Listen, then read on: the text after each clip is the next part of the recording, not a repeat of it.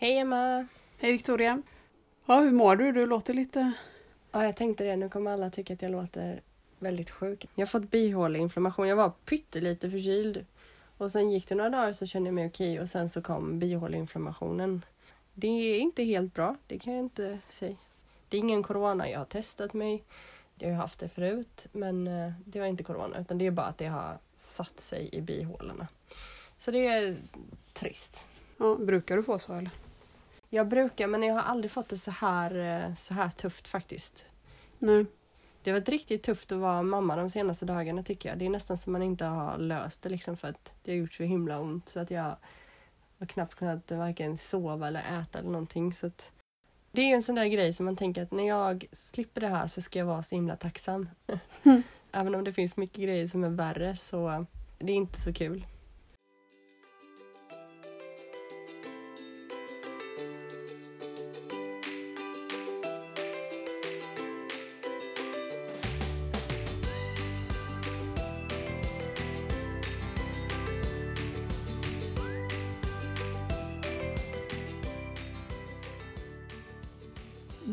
Lyssnar på Nordlyckans podd avsnitt 47. Den här veckan med mig Emma och med min fantastiska sidekick. Victoria! Och det här avsnittet det sponsras av TFO Sensory vars motto är Lek är en superkraft som alla har rätt till. Och jag brinner för allas rätt till kommunikation och tänkte därför prata om produkter kopplade till just kommunikation.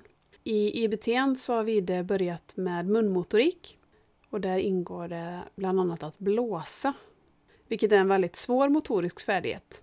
Och i TFO Sensory sortiment så finns det olika leksaker för att träna just att blåsa. Det finns till exempel en flip-flap-boll där man blåser i ett rör och får bollen att sväva. Det finns också bilar, en blåsracerbil och det finns spel, helt enkelt ett blåsspel. Andra saker i TFO Sensory sortiment som är kopplade till kommunikation är en härmapa som härmar allting du säger. Och det här är ju någonting som i alla fall Vides logoped har tipsat oss föräldrar om att göra. Att härma hans ljud. Och sen mitt sista tips är någonting som jag själv har tänkt att jag ska beställa till Vide och till Vides rum. Planen är att Vide ska ha en vägg i sitt rum där det finns olika saker som låter när man trycker på dem. Och då ska jag bland annat köpa inspelningsbara buzzers. De kommer i ett paket med fyra stycken i fyra olika färger där man kan spela in korta meddelanden. Min tanke är att man kanske en period har djurljud på dem och en bild på ett djur fastklistrat på knappen. Nu tränar vi på färgerna, så då skulle man kunna ha färgerna. Eller kanske en liten snutt om sången om färgerna. Det finns många idéer och man kan använda de här till mycket olika. Man kan använda dem för att begära eller för att lägga ut dem på olika ställen i huset eller använda dem till lek. Men jag har som sagt tänkt att vi ska sätta upp våra på en vägg. Så missa inte att gå in på www.tfosensory.se och kolla in kategorin kommunikation. Tack så mycket TFO Sensory!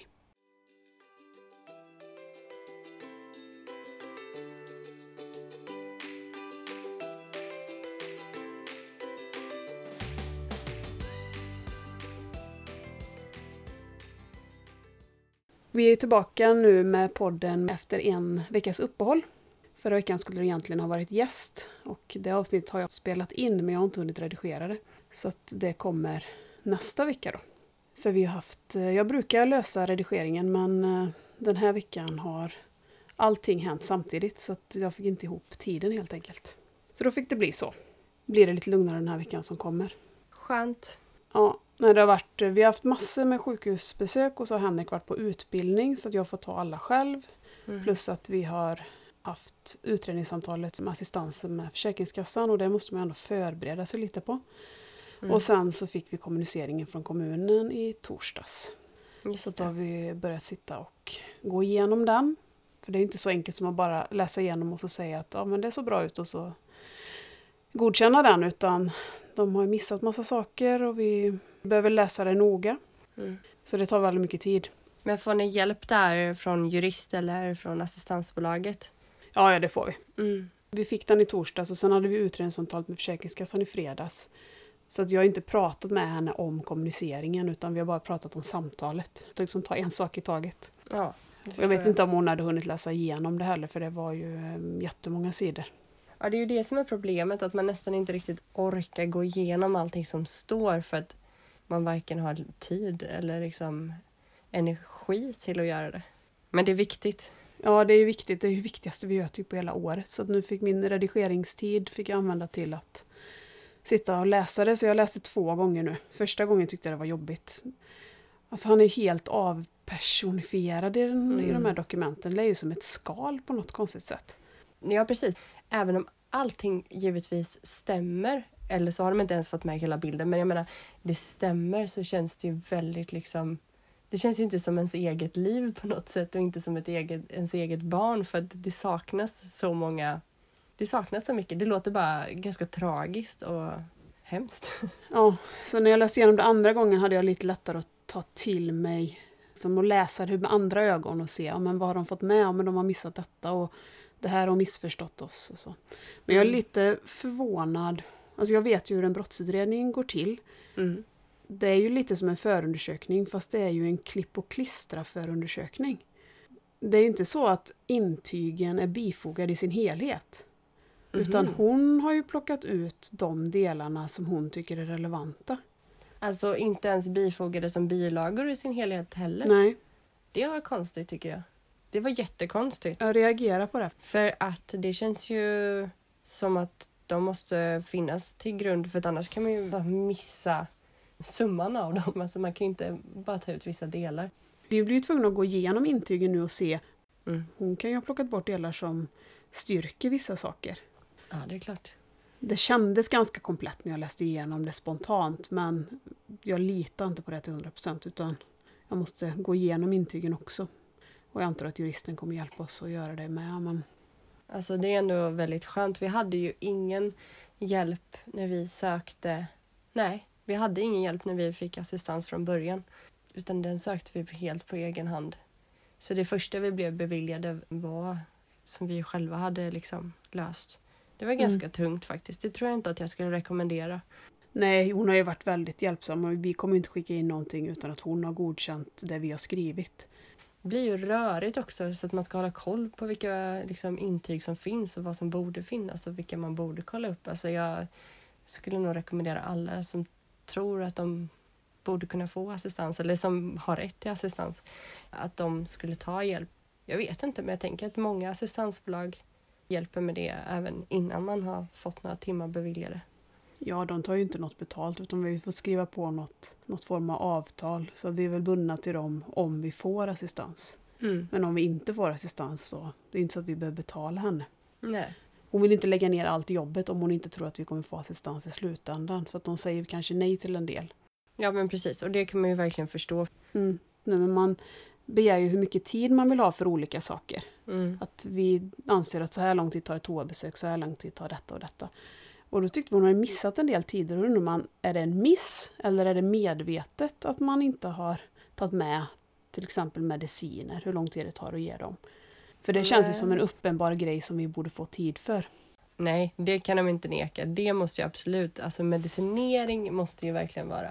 Men jag tänker så här, i en kommunicering så även det de inte anser, det ska ju inte spela någon roll utan det ska ju stå med allting som ni yrkar på, Mm. allting som eh, ni uppskattar i tid och allting som, det ska ju stå där. Det ska ju inte vara, det ska ju inte sorteras redan innan för vad de tänker, utan det är ju beslutet jag tänker och då ska det också stå varför ni inte får rätt till vissa saker. Vet jag att det stod att vi hade sagt att vi la ner så och så mycket timmar på kommunikation och varför bla bla och sen så skrev de att de inte kunde berätta oss det för att man då inte kunde typ få timmar för kommunikation förrän man är sex år. Nej. Nej, det har vi ju koll på också. Vi har ju pratat jättemycket med henne om kommunikation men vi vet ju att hon kommer ändå inte ge oss någon tid för det. Nej, Det är så konstigt men eh, Det är så himla konstigt. Men däremot så kunde man ju få, om man behövde liksom hjälp med att om man skulle gå till typ en lekplats och vill liksom kunna leka med ett annat barn så skulle man egentligen ha rätt till den kommunikationen vad jag förstått det som och sånt. Men ja, Mm. jag vet inte. Men i alla fall, det borde stå med i kommunikation, eller kommuniceringen om det som ni har yrkat på oavsett om de tycker att det räknas in eller inte. Ja, för annars så har de inte de tiderna att räkna på. Nej, Vi precis. måste ju kolla att alla tider som vi skulle vilja ha finns med. Så det är sånt som jag lägger min tid på nu. Jätteroligt. Väldigt kul. Men det är ju sista, eller det är ju inte sista för sen kommer Försäkringskassan också. Men det är sista på ett tag i alla fall. Det dröjer nog. Jag tror inte vi kommer få några papper från Försäkringskassan förrän efter sommaren igen. Mm. Hon flaggar lite för att det kommer ta tid. Så. Okej. Ja, man glömmer ju. Jag kommer faktiskt inte ihåg riktigt hur lång tid det tog med Försäkringskassan men jag tror inte det var så stor skillnad. Nej, men hon pratar något om att hon skriver ju något underlag och sen ska någon beslutsfattare titta på det innan och skickar hem det till oss. Jag förstod att det var någon sån ordning. Mm. Men det samtalet, både jag och Henrik efteråt så sa vi att hon hade ju redan bestämt sig. Alltså vi fick sån känsla av att hon fyllde i våra meningar. Hon hade stenkoll på intygen och vi bekräftade ju egentligen bara intygen. Så det kändes som att antingen har hon bestämt sig för att det här räcker inte till assistans eller det är självklart ni ska få assistans. Mm. Men vi vet inte vilken fot vi ska stå på. Åh, så himla jobbigt. Nej, vi har haft många sådana där samtal genom åren och det har varit så himla olika. Nu har vi ju haft bra de senaste gångerna men vi hade någon kille som, ja, nej. Han i stort sett skrattade åt oss för att han liksom tyckte att vi inte hade rätt till assistans. Det handlar så mycket om vilken person man får prata med, om det är en vettig eller inte. Mm. Både hon från kommunen och Försäkringskassan verkar ju jättevettiga. Men man tolkar ju in massa saker i hur de har varit. Men man vet ju inte vad de tänker egentligen. Nej. Med tanke på hur det ser ut idag och hur många som borde få assistans som inte får det så man blir ju väldigt osäker. Mm. Vi vill ju gärna skynda på det så jag hoppas vi blir klara med våra kommentarer till kommunen nu i veckan så att vi kan skicka in det till henne. Mm. Och så kommer det ett beslut. Så vi får inget förslag på beslut utan bara beslut. Ja, så har vi också fått, jag tror det är någon gång som vi har, när vi skulle få assistans för första gången, då vet jag att vi sa så här, kan du bara höra av dig om det är så att vi kommer få assistans, för då kommer vi behöva lägga ut en annons nu. Och vi hade inte ens något assistansbolag och då vet jag att då fick vi veta att ni kommer få det och sen fick vi inte veta hur mycket och sen fick vi brev på posten några dagar senare. Mm. Man vill ju typ bara säga till dem att kan du inte bara hinta om om vi kommer få ett positivt eller negativt besked. Ja. Det är väldigt jobbig väntan för vi visste ju inte om det kunde ju varit så att det här hade varit ett förslag till beslut i de här papperna. För en del kommuner gör ju så. Att kommuniceringen är också ett förslag till beslut. Mm. Och så fick jag veta av juristen att hon har väl haft kontakt med handläggaren att nu kommer kommuniceringen i er brevlåda imorgon. Det är ju väldigt svårt att tänka på någonting annat Ja. den dagen. Ja, Så jag skrev ju till dig när den hade kommit att ja. det var inget beslut, det var inget förslag till beslut. Jag kan andas igen. Ja, precis. Och så ska du hålla andan tills det kommer på riktigt sen efter du har kommit med. Ja, men just nu känns det ganska lugnt för nu vet jag att nu ligger bollen hos oss. Mm, mm. Men hur lång tid har ni på er att svara nu då? Två veckor. Mm. Och sen tror jag, jag fick för mig att någon sa att det skulle ta två veckor men det kan också vara bara mitt eget påhitt. Ja, men det skulle det säkert kunna vara. Jag vet att när det väl hade börjat dimpa ner kommuniceringen så gick det ändå väldigt fort. Ja, men jag kan tänka att de säkert har någon tidsram efter att vi har svarat att de inte får dra ut på det hur länge som helst. Nej, det är Det någonting finns sånt. säkert någon lagstiftning gällande det kan jag tro. Ja, precis. Det, det tror jag med. För då har de ju allting färdigt och så är det ju någon beslutsfattare som ska titta på det. Och Nej, jag Mm. tror också det går fort.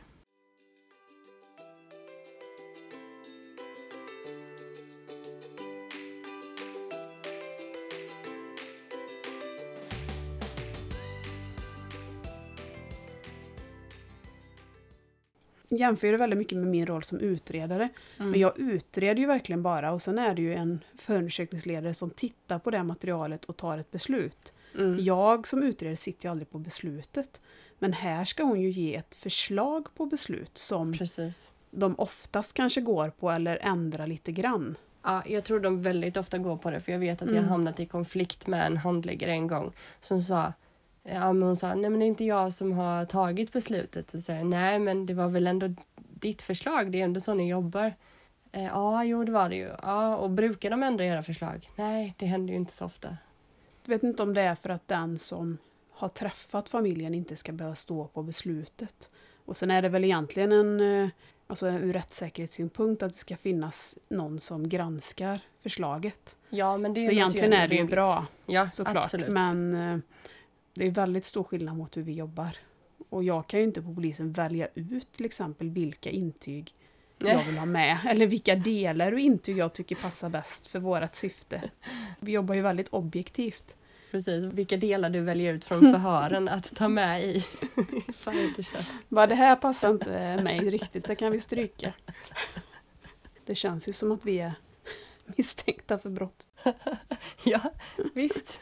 Väldigt konstig känsla. Ja, den känslan känner jag verkligen igen. Att man känner att man kanske eventuellt anses ha gjort någonting helt fel. Ja. Men det har du inte, inte vi heller.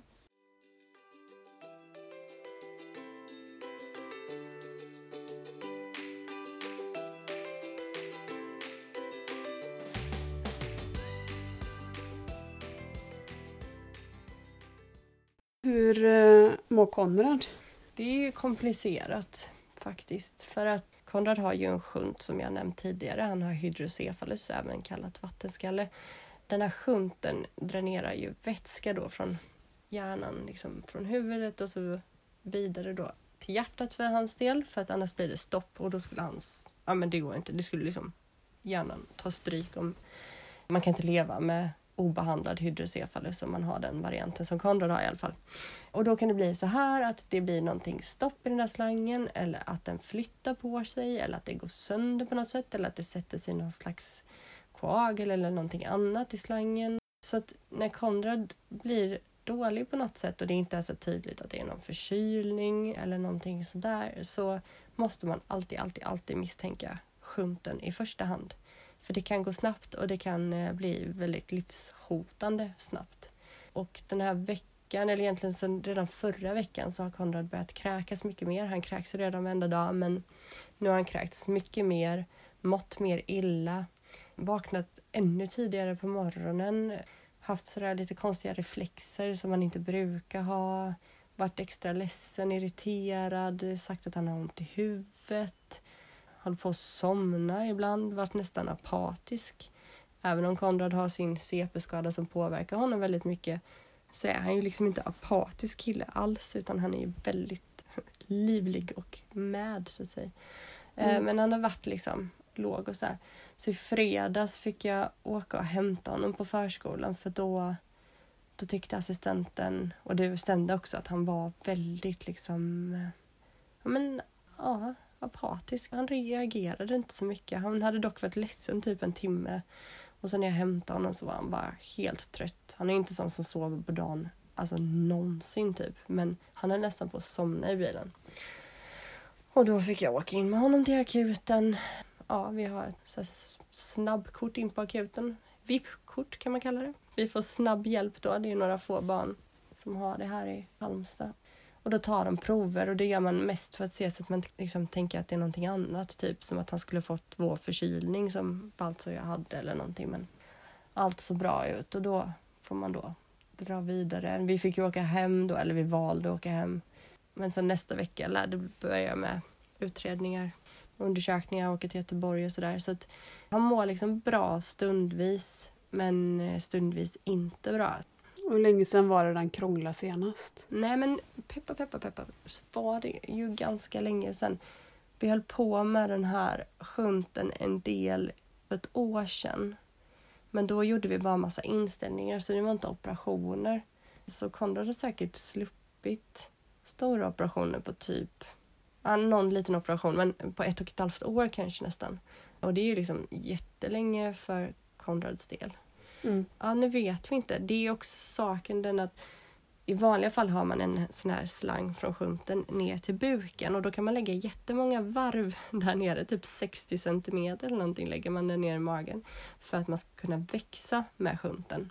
Men Konrad fick cystor så det kunde man inte göra med att man fick flytta den då till hjärtat, till förmaket. Då är det ju när han växer så flyttar slangen med. Mm. Så vi vet att den kommer komma ur position, att det kommer behövas göras operation för att fixa det. Och då är det ofta att man successivt blir sämre för att den funkar delvis men funkar inte optimalt. Och Konrad är extremt tryckkänslig. Han är en av de mest känsliga i liksom Sverige, har neurokirurgerna sett. De är väldigt fascinerade av hans känslighet för tryck. Det kan vara så att det är det som sker just nu och att det inte är så farligt. Eller farligt och farligt, han ska inte behöva må så dåligt men det kan hända att vi har tid på oss och att det är det som händer just nu. Och att man kanske kan planera en operation för en gångs skull. Eller så är det någonting annat som håller på att hända. Hur kontrollerar de att den fortfarande ligger där den ska? Ja, det är ju helst via MR. Ja. Man kan även göra i Göteborg, i Halmstad kan de inte det, men i Göteborg kan de också göra ultraljud på hjärtat. Men det är ganska svårt att se exakt hur spetsen ligger, men man kan göra det. Vi får se vad de väljer att göra, men det är aktuellt nu. Samtidigt är det så här, aha, ska han skickas till förskolan? Ja, idag har han mått ganska så bra. I morse mådde han väldigt illa, kräktes väldigt mycket. Sen blev det bättre och har varit ganska bra under dagen. Vi lever med att det är så här ganska ofta. Ska han liksom vara hemma då eller inte? Och min tanke är väl att så länge han mår okej okay får han vara där. Mår han dåligt får jag hämta honom. För att sådana här saker kan ta lång tid och utredningarna kan ta jättelång tid. Det är jättesvårt att se en så solklart vad som är fel ibland. Mm. Så det är inte bara så här, kolla sjunten. Det kan vara en bakterie som ligger någonstans och så blossar den upp ibland och sen så lugnar den ner sig. Och så blossar den upp ibland och så lugnar den ner sig. Av erfarenhet vet jag att det kan ta lång tid. Jag vet att vi i första hand såklart inte vill operera honom för att dels på grund av riskerna men också på grund av att vi har lärt oss att det är så lätt att det blir en ny infektion i en ny shunt. Så så länge man slipper pilla i det där systemet så vill man ju verkligen inte göra det. Jag förstår när han haft så mycket problem här. Mm. Precis. Det är ju grymt mycket. Han är verkligen ett av de barnen i Sverige och kanske världen som har behövt opereras flest gånger på grund av krånglande shunt. Man är van, men ändå så är man ju orolig såklart. Ja, och han varit så pigg så han orkat med sina kalas. Ja, jag har ju varit sjuk. Även om läkaren sa att jag inte smittar så har jag verkligen inte... Alltså, vi skulle haft kalas i lördags, men jag fick skjuta upp det. Så idag kom i alla fall mormor och morfar och farmor och farfar och några andra äldre och min lilla syster. Det orkade han absolut med och jag tyckte att han var pigg typ hela tiden under den tiden. Så att det flackar fram och tillbaka. Mm. Men han har inte haft sitt diskokalas än då? Nej, diskokalaset blir... Eh, det kommer bli i sommar har vi bestämt. Ah, okay. Så att alla kusinerna kan vara med. Mm. Men vi hade ju kalas också, släktkalas förra helgen. Mm. Och så fick vi det, han fick ett bubbelrör av Just min mamma och pappa då. Mm. Vi plockade upp alla presenterna och han, det blir ju lite för stökigt för honom för både han och Alve fick paket och så är det en massa gäster. Och, så han gick ju undan från paketöppnandet. Mm. Men så plockade vi upp det här bubbelröret och så monterade ihop det och la i vatten och gick jag och hämtade honom sen. Och då gick han fram till det aldrig sett han reagera så. Pekade han på sig själv flera gånger. Jag, jag, jag och sen så la han huvudet mot det och typ nästan krama om det här röret. Så det var det bästa betyget på en present som någonsin har kommit ifrån honom. Åh, vad kul! Nu är det ju lite dumt för det. Det kan ju välta det här röret. Mm. Nu har vi ställt i ett hörn och så har vi barrikaderat med grejer framför så att han inte ska kunna komma åt det. Så vi måste sätta ner det i någon låda så att han vill ju kunna känna på det. Ja, det är klart. Vi ska bygga in det i en låda så att han kan sitta jämte det eller stå jämte det utan att det är någon risk att det välter. Ja, det är klart. De är lätt, ganska lätt-tippade och eh, har väl inget så här lock som sitter på sådär jättehårt heller. Nej, då har vi nog vatten över hela golvet tror jag mm. om han mm. välter det. Men han är nöjd, han går in där och så talar han om att nu får ni slå på mitt rör. Ja, ja, ja ska sätta på Åh, vad kul! Ja, jag såg det på bild på Instagram. Det såg fint ja. ut. Och ni fick fiskarna och... ja, till slut så sjönk de. De låg ju uppe på typ som döda fiskar, fem döda fiskar och flöt. Men när man har haft på det en stund så sjunker de och simmar upp och ner. Ja, vi har faktiskt haft ett sånt där rör så jag försökte tänka hur vi gjorde men det var nog samma sak, att det bara, det bara hände av sig självt efter ett tag. Ja, han har en annan lampa, en mindre med maneter i. Då var tipset att man skulle lägga lite diskmedel i för att bryta ytspänningen. Mm. Det testar jag, men nu med det här, som det bubblar ju, så blev det ju massa skum på det toppen av det här. Det tänkte jag när du skrev det. Jag la ändå bara i några droppar. Min brorsa Ja. skojade och sa häll i mer, häll i mer. För han fattade ju vad som skulle hända. När vi satte på det. Jag har ju fått diskmedel i hela köket istället.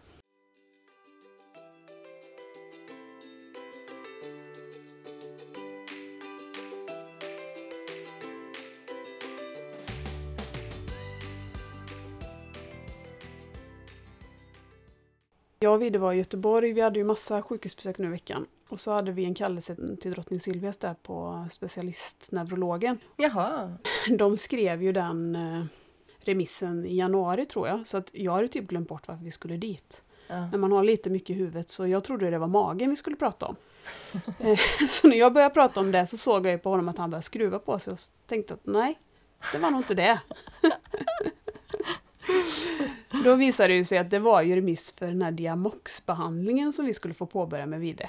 Ja, ja. Som bara han får skriva ut. Det kunde inte neurologen på habiliteringen skriva ut.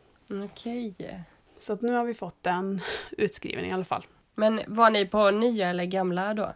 Det såg ut i korridoren som att Gamla. ni... Jaha, det såg ut som att korridoren var... Men det var nyrenoverat. Inne i gamla, alltså det var på samma ställe. Mhm. De har ju gjort en ny entré, man går ju inte in rakt framför skeppet. Nähä. Utan man gick in till höger, fast vi kom ju ändå till skeppet och fick ta samma hiss som vi har tagit innan. Mm. Tyckte väntrummet såg eh, ut som det var nyrenoverat också. Mhm. I alla fall som vi har varit. Nu var det ett år sedan vi var där senast och då var vi där med. Det var neurologimottagningen då? Mm. Där brukar ju vi hänga, det var därför jag blev så Ja. Och de hade ju gjort i ordning entrén där, och gjort, för det så var det inte vi var där sist. En jättestor tv-skärm som såg ut som ett akvarie. Mm. Så där fastnade vi det nu. Det var ju perfekt för honom. Det här skeppet är ju, intresserar inte honom. Men... Jaha, entrén kom där, okej. För så var det inte sist. Då gick man ju in och så förbi den här lilla kiosken och så rakt fram liksom. Ja, Men, eh, precis. Nu kom han från sidan. Ja, ja, okej. Man har ju bott ett antal ja, år på det där sjukhuset. Så det... Ja, men vi har ju aldrig varit inlagda där. Vi har bara varit inlagda på SÄS. Men eh, vi Mm. har ju varit där några gånger för genetiken ligger ju där också. Mm. Men nu ska jag få testa den här Diamox så det blir lite spännande för det är ju medicin som egentligen används vid ögonsjukdomar. Jag såg det. Var det vid tryck eller någonting sånt? Ja, vid något slags övertryck och vid ögonkirurgi eller något sånt där står det om man läser bara bipacksedeln. Mm. Men sen verkar det som att den används till lite annat. Bland annat epilepsi som tilläggsmedicin. Vid övervikt tror jag. Och det var något mer. Men så har man testat det på barn med CDG. Och då har det gett effekt på balans och koordination av rörelser och även lite grann på talet. Men man har inte provat det på den varianten som Vide har. Okej. Så det är liksom ett försök, eller vad ska man säga. Och han sa att egentligen har inte Vide den typen av ataxi, alltså det här lite skakigheten. Det Mm. har ju inte Vide.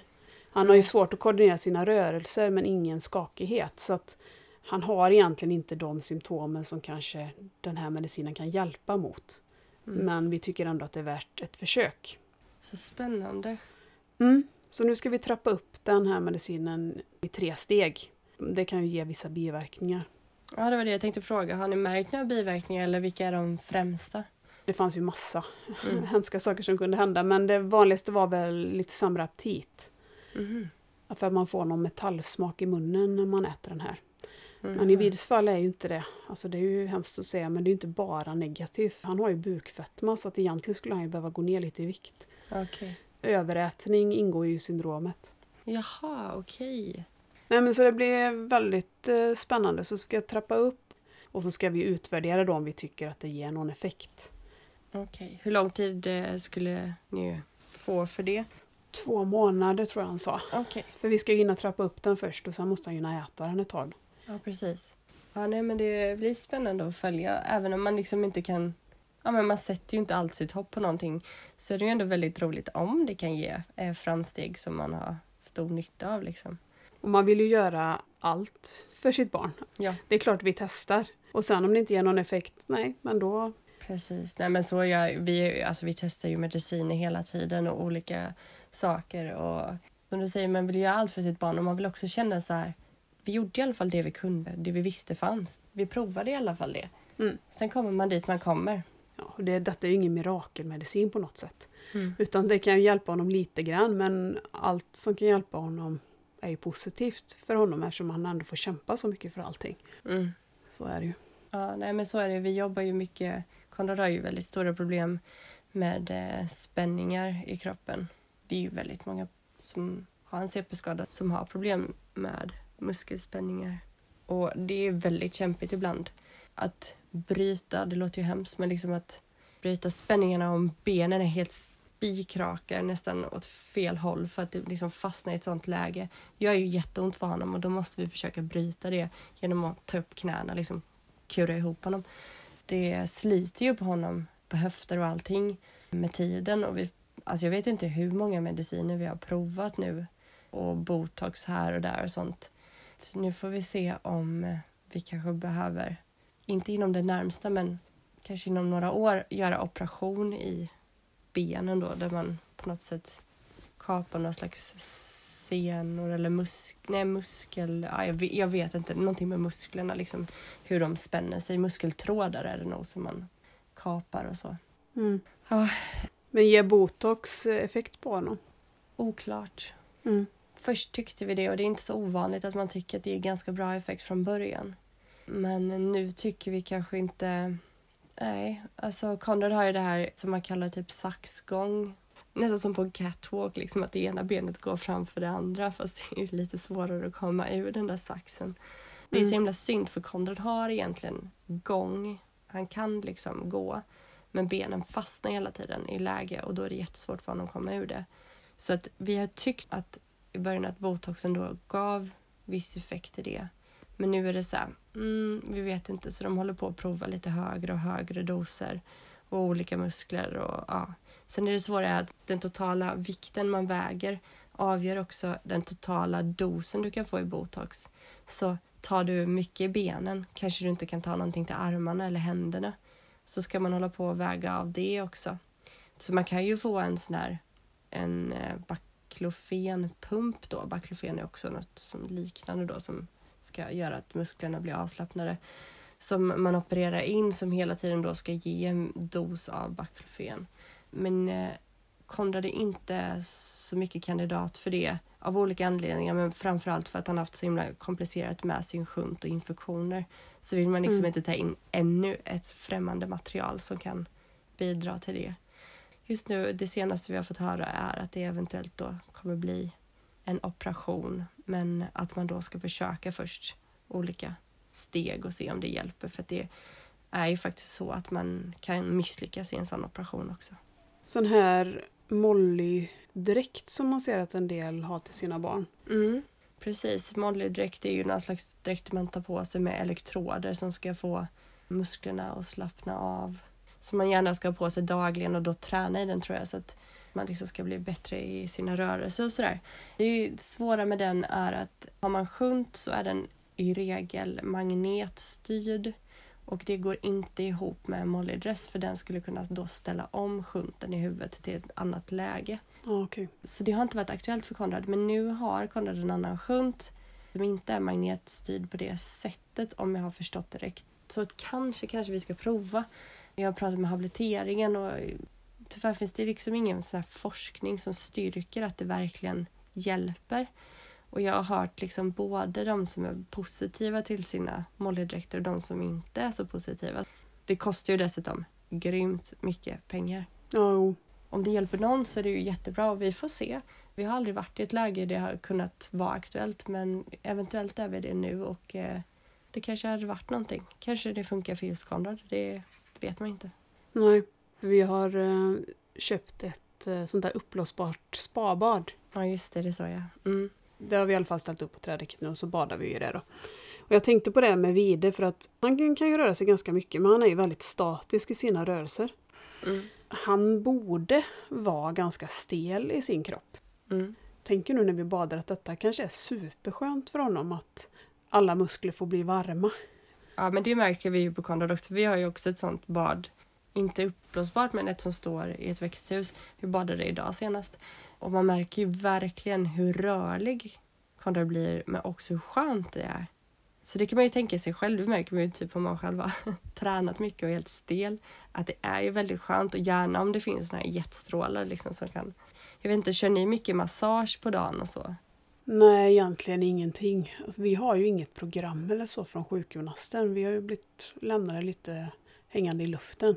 Mm. Vi har ju en stretch vi ska göra på fötterna för han har ju börjat tappa lite funktion i ena foten. Mhm. Han går ju väldigt mycket utåt med ena benet.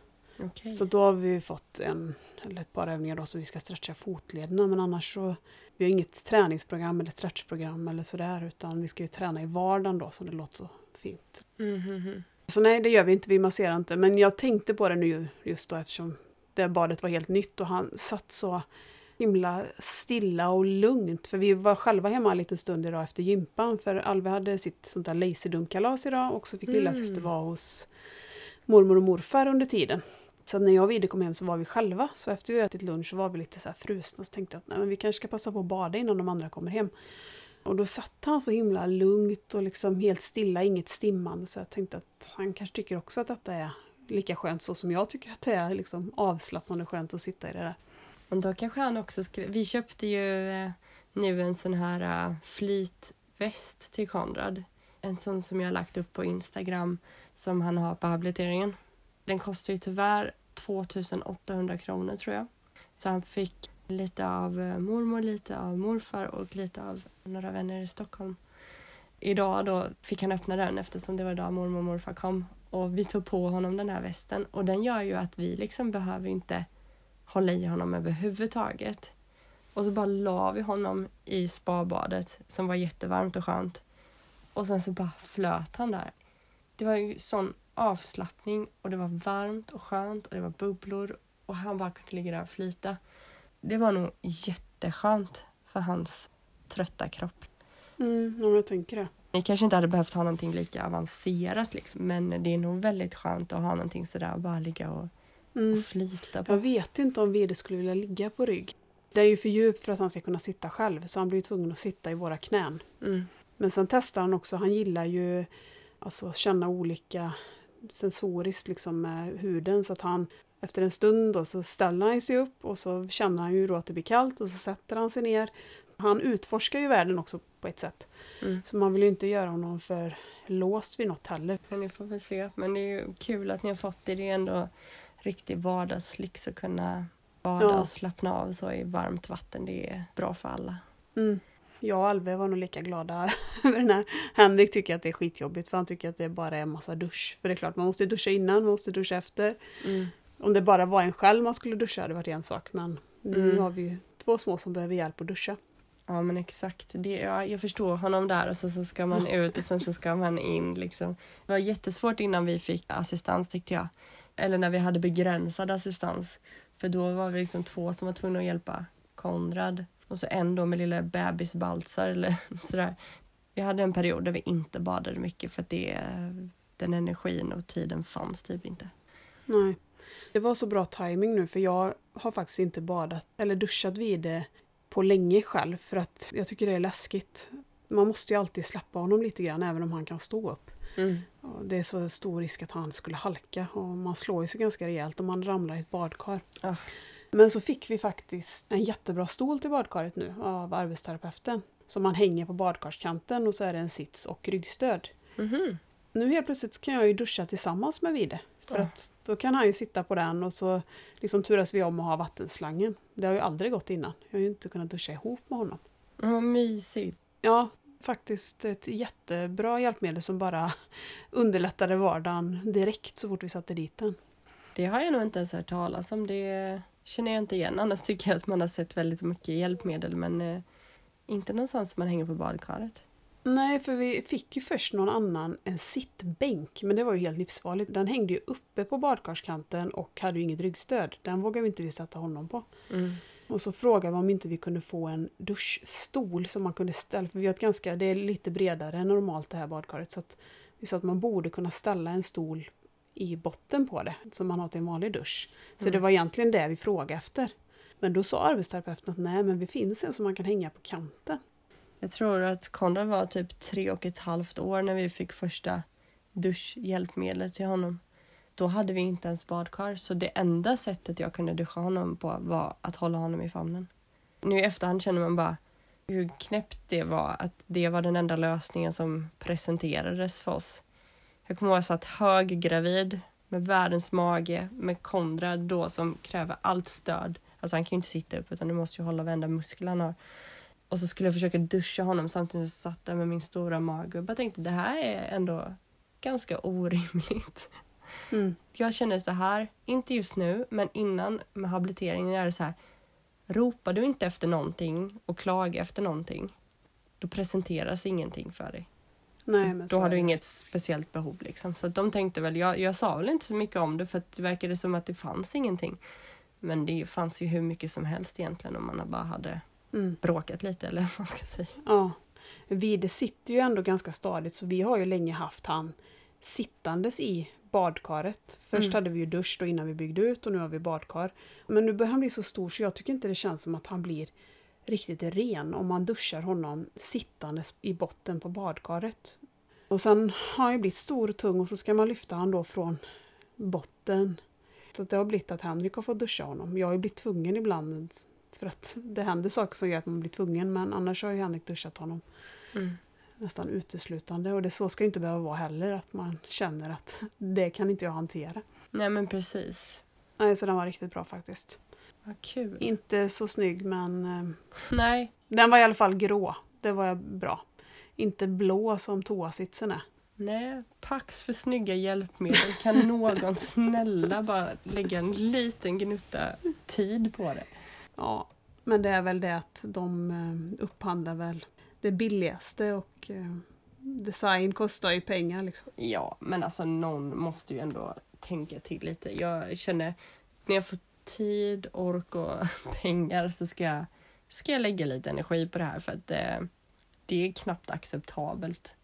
De här hjälpmedlen som vi presenteras för typ barn som är så här från två år som när Konrad var liten. Alltså de är så fula. Ska du sätta din lilla gulliga tvååring i sådana? Det är ingen annan som Nej. skulle få för sig och ha dessa fula hjälpmedel och fula stolar och fula allting. Fula eh, hjälpmedelsvagnar som skulle kunna vara hur gulliga och fina och coola som helst. Det provocerar faktiskt mig. Mm. Rullstolen tycker jag ändå, den vi har i alla fall, är ju, känns ju... Ja. De här Pantera är ju faktiskt fina. Alltså helt okej och kudon som Konrad har. Den ser ut som en vanlig rullstol. Men jag känner så här, mm, de är ändå gjorda för barn. Det kunde Ja. varit. Jag önskar att det fanns delar du kunde köpa till själv då kanske. Jag önskar väldigt mycket. Jag menar, tänk på en bebis. Den behöver en miljon hjälpmedel. Jag tänker så på bebisar som att de är tillfälligt funktionsnedsatta typ. Ja, det har du rätt i. Ja men det är ju så. Då ska de ha en specialstol, de ska ha en specialvagn, de ska ha special bla bla bla. Såklart är det ju en marknad som är ju helt annorlunda och rolig. Där finns det ju hur mycket som helst. Men många av de här sakerna hade man bara kunnat göra för lite större barn. Men liksom med samma tänk och samma kanske typ av design i alla fall i en viss ålder. Mm. Men på något sätt när det går från att det där som inte är det normala längre, då finns det liksom bara tråkiga så här, sjukhusgrejer eller liksom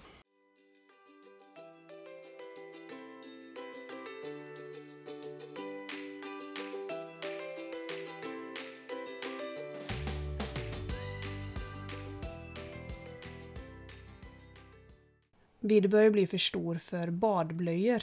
Så då kom jag på att vi måste ju Mm. fixa någon så här inkontinensbadbyxa.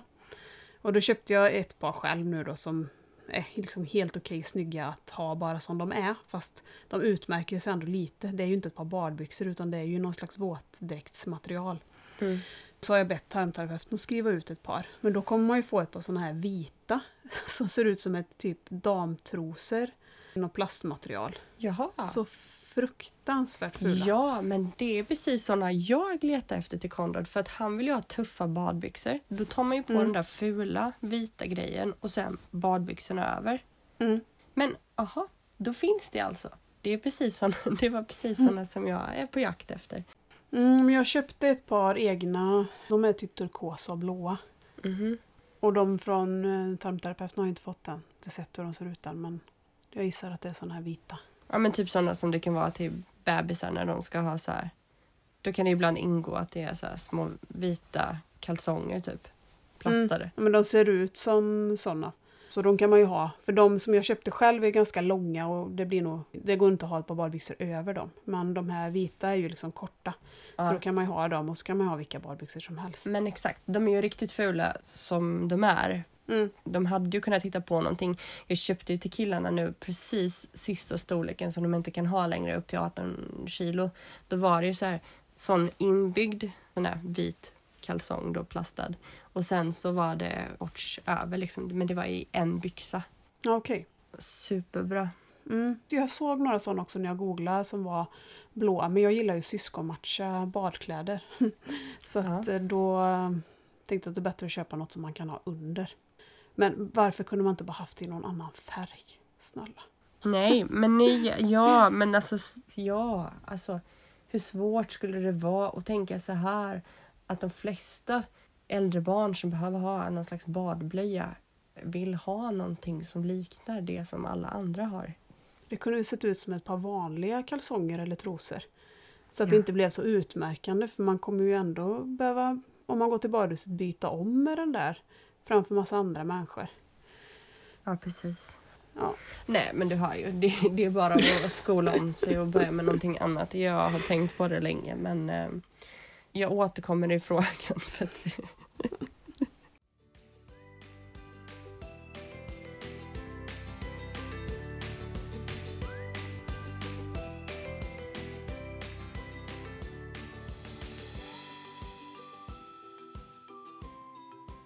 Ja, men eh, tack för den här veckan då. ja, detsamma. Så hoppas jag att eh, Konrad får må bra och att ni kanske får några svar. Ja, vi hoppas att det var något tillfälligt stopp som bara försvinner helt. Jag vet inte, bara sådär. Mm. Ha det så bra så länge. Ja, men detsamma. Ha det så gott. Hej då! Hej då! Tack Victoria och tack så jättemycket till alla er som har lyssnat på veckans avsnitt. Tack också till alla er som sponsrar podden genom Patreon. Och i nästa avsnitt så blir det ett gästavsnitt igen. Till dess får ni ha det så fint. Puss och kram!